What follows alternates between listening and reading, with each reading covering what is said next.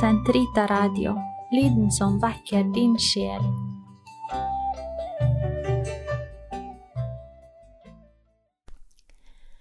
Karmels hage, åttende episode Vend om, for himmelriket er nær. Jeg vil bryte opp og gå til min far og si, Far, jeg har syndet mot himmelen og mot deg. Jeg fortjener ikke lenger å være sønnen din. Men la meg få være som en av leiekarene dine. Dermed brøt han opp og dro hjem til faren. Da, enda, da, han ennå var langt borte, fikk faren se ham, og han fikk inderlig medfølelse med ham. Han løp sønnen i møte, kastet seg om halsen på ham og kysset ham. Sønnen sa, Far, jeg har syndet mot himmelen og mot deg. Jeg fortjener ikke lenger å være sønnen din. Men faren sa til tjenerne sine, Skynd dere, finn frem de fineste klærne og ta dem på ham gi ham ring på fingeren og sko på føttene. Og hent gjøkalven og slakt den, så vil vi spise og holde fest. For denne sønnen min var død og er blitt levende. Han var kommet bort og har funnet igjen. Og så begynte festen og gleden.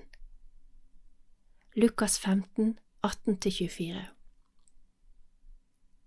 Hvem har ikke lest disse ordene om og om igjen, og kanskje til og med grått i takknemlighet over Guds inderlige lengsel etter meg, en synder. Det er vanskelig å tro at Gud skal lengte etter akkurat meg, når akkurat jeg føler meg så elendig og ufullkommen. Hvor mange ganger må jeg høre dette for å tro på det? Og på den annen side, hvor vanskelig er det ikke å erkjenne seg selv som synder? Fristelsen er stor til å tenke at de andre nok er likedan, kanskje er det ikke så gale likevel. Kanskje haster det ikke slik med denne omvendelsen. Noe av det vakreste pave Frans gjorde for meg da han i 2015 utropte barmhjertighetens jubelår for kirken, var å vise til sammenhengen mellom Guds barmhjertighet og min egen vilje til å vende om og erkjenne min synd. I intervjuboken med Tornielli forklarer han Gud venter på oss med åpne armer. Vi behøver bare å ta et skritt mot ham slik den fortapte sønn gjorde. Vi må huske på at vi ikke går til Skrifte, først og fremst for å bli dømt. Riktignok innebærer skriftemålet en dom, men det handler også om noe annet, noe som er større enn dommen, nemlig at du står overfor et annet menneske, som handler i person av Kristi, for å ta imot deg og tilgi deg det at du møter barmhjertigheten. Det er ikke så lett å skjønne denne barmhjertigheten, men pave Frans forklarer med utgangspunkt i fortellingen om Jesu møte med kvinnen som de skulle steine fordi hun var tatt i ekteskapsbrudd. Han sier, altså pave Frans sier, Jesus tilgir. Men det dreier seg om noe mer enn tilgivelse, for som skriftefar setter Jesus seg utover loven. Saken er den at hun ifølge loven burde bli straffet. Jesus var i tillegg uten synd og kunne ha kastet den første steinen. Men Kristus setter seg ut over loven. Han sier ikke til henne ekteskapsbrudd er ingen synd, men han benytter ikke loven til å fordømme henne. Nettopp dette er Jesu barmhjertighets mysterium. Det er dette mysterium vi er kallet til å synke stadig dypere ned i. Vi ber sammen. Kom, Hellige Ånd, fyll dine troendes hjerter og tenn i dem din kjærlighetsild, du som gjennom de mangfoldige tungemål samlet alle folkeslag til troens enhet. Send ut din ånd, og alt skal bli omskapt, og du fornyer jordens åsyn. La oss be. Gud, du har opplyst de troendes hjerter ved Den hellige ånd. Gi oss at vi ved din ånd kan glede oss over det som er rett, og alltid bli lykkelige ved Hans trøst. Ved Kristus vår Herre. Amen.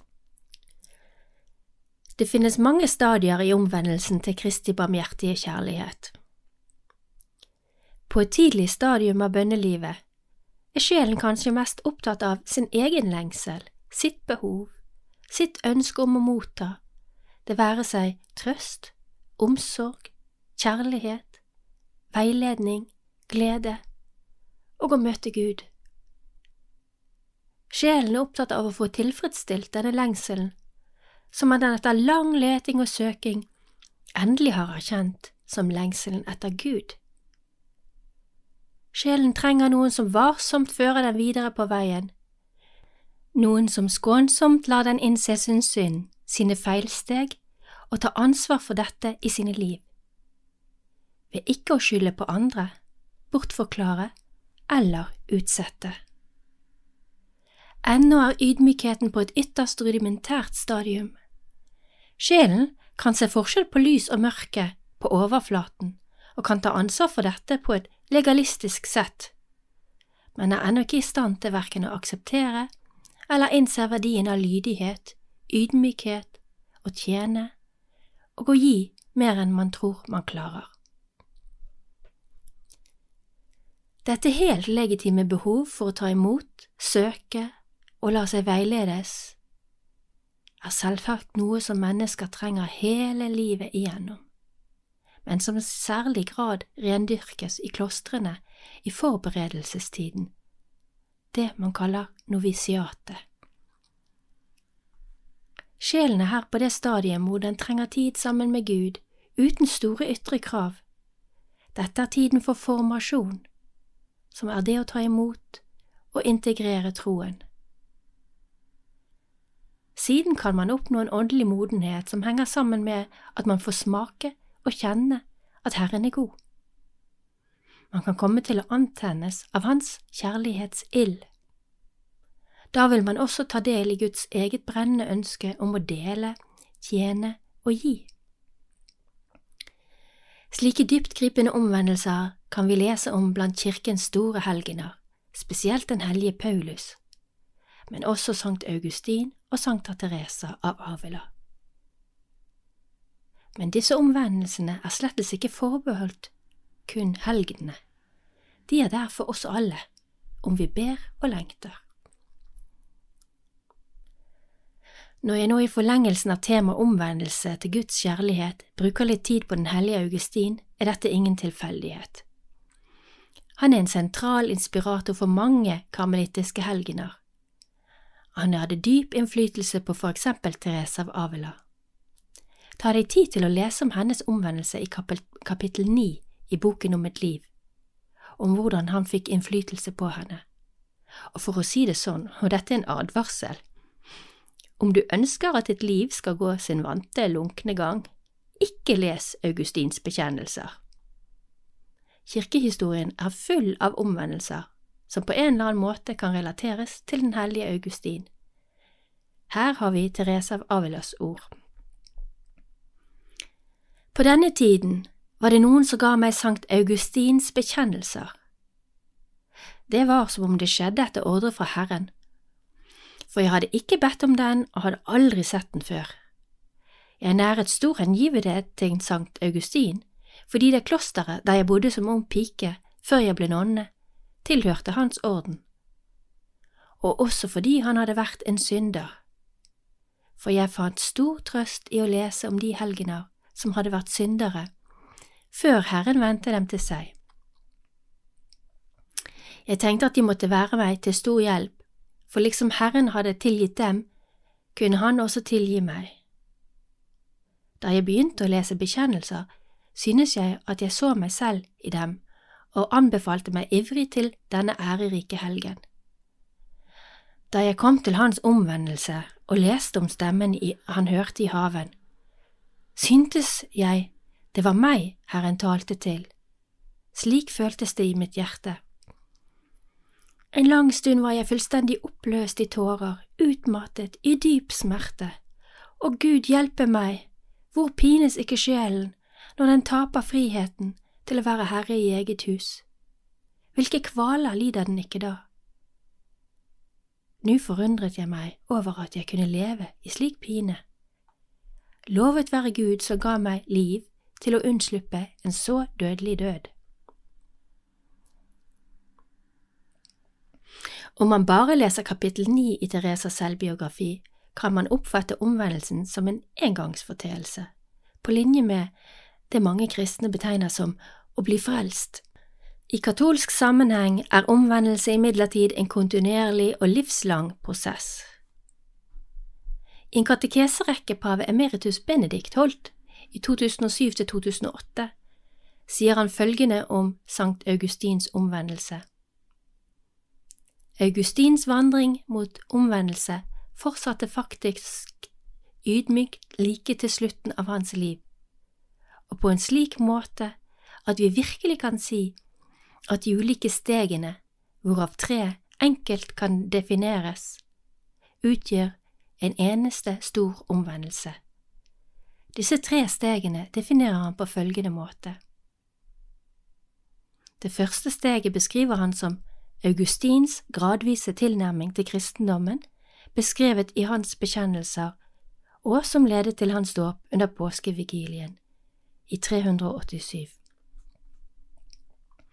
Denne prosessen fortsatte gjennom tre år i stillhet og bønn, tilbaketrukket fra et aktivt liv.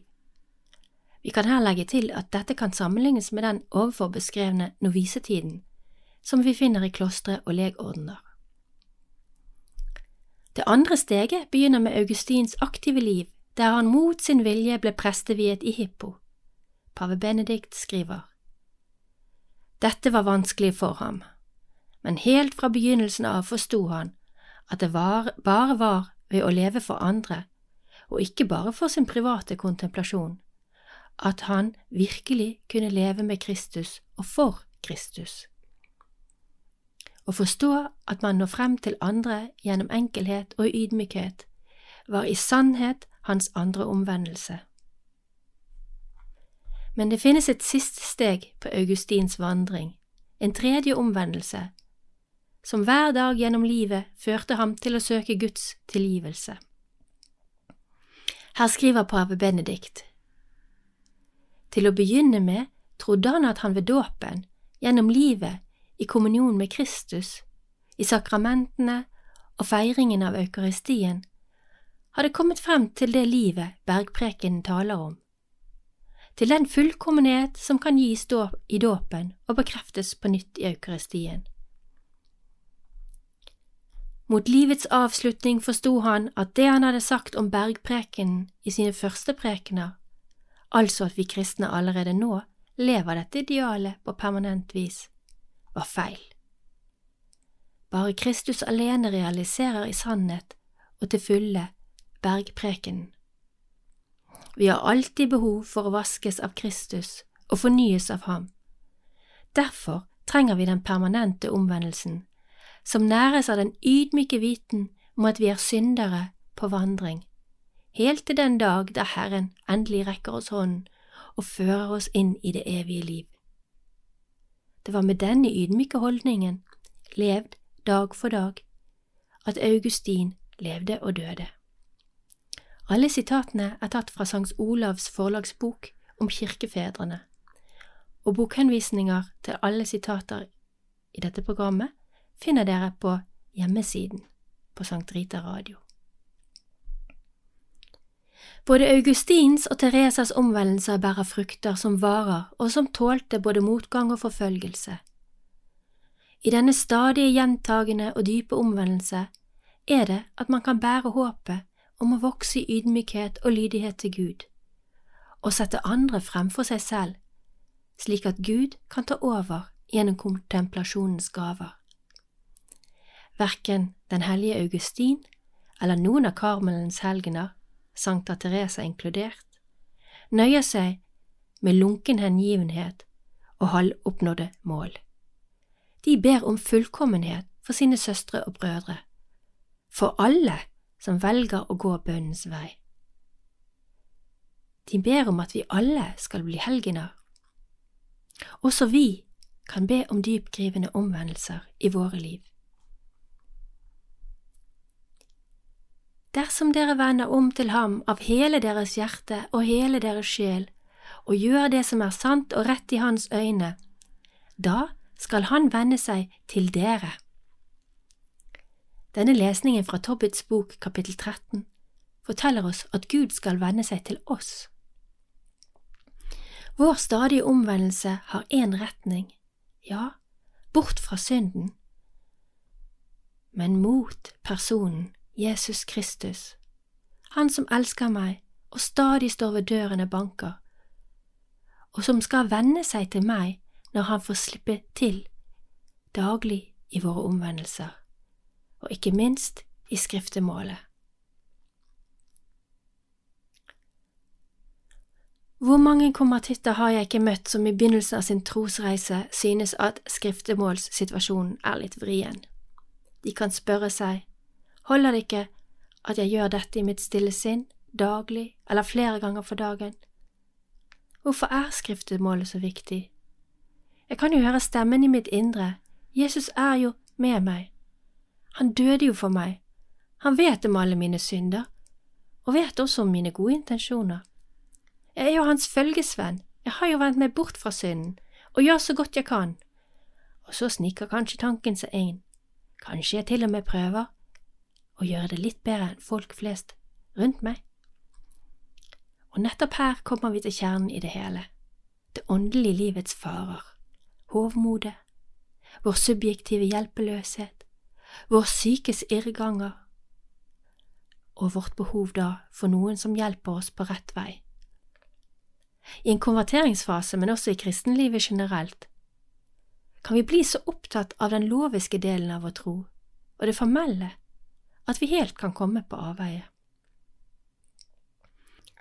Vi trenger alle i våre omvendelser hjelp til å skjønne at den ikke kun består i endring av moralske holdninger, men at sann omvendelse er å vende seg til den barmhjertige Gud, og la oss omfavnes og nedsenkes i Hans brennende kjærlighet.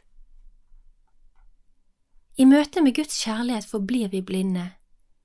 I møte med Hans lengtende hjerte, brennende ønske om å få elske oss og elske gjennom oss, er vi alltid syndere, alltid i stor nød og med stort behov for omvendelse. Guds kjærlighet går alltid dypere. Vår rettferdighet overfor Gud forblir alltid støv. Det er her vi trenger hjelp utenfra for å kunne være det sanne kristenmennesket som vi ønsker å bli. I en skriftesituasjon vil presten ta imot vår bekjennelse og anger, og i Kristi person tilgi oss. Men med oss får vi bot og noen ord. Med oss får vi ikke bare lettelsen over å slippe fra oss våre bører ved Jesu føtter, men også nytt mot til å bli et bedre kristent menneske. Et menneske som ikke stagnerer i egne begrensninger, men som stadig lar seg utsette for små dytt til å vandre videre mot hellighet. Et menneske som søker bakenfor fasader og overflater, som lar den gode lege avdekke og helbrede godt bortgjemte sår, og som slik kan bli byggesteiner i det store fellesskapet han har skapt oss til å være del av, Kirken. Vi kan bli et menneske som har møtt, som møter, som lever med personen Jesus Kristus, stadig dypere, og som derfor stadig sterkere kan bekjenne ham for menneskene.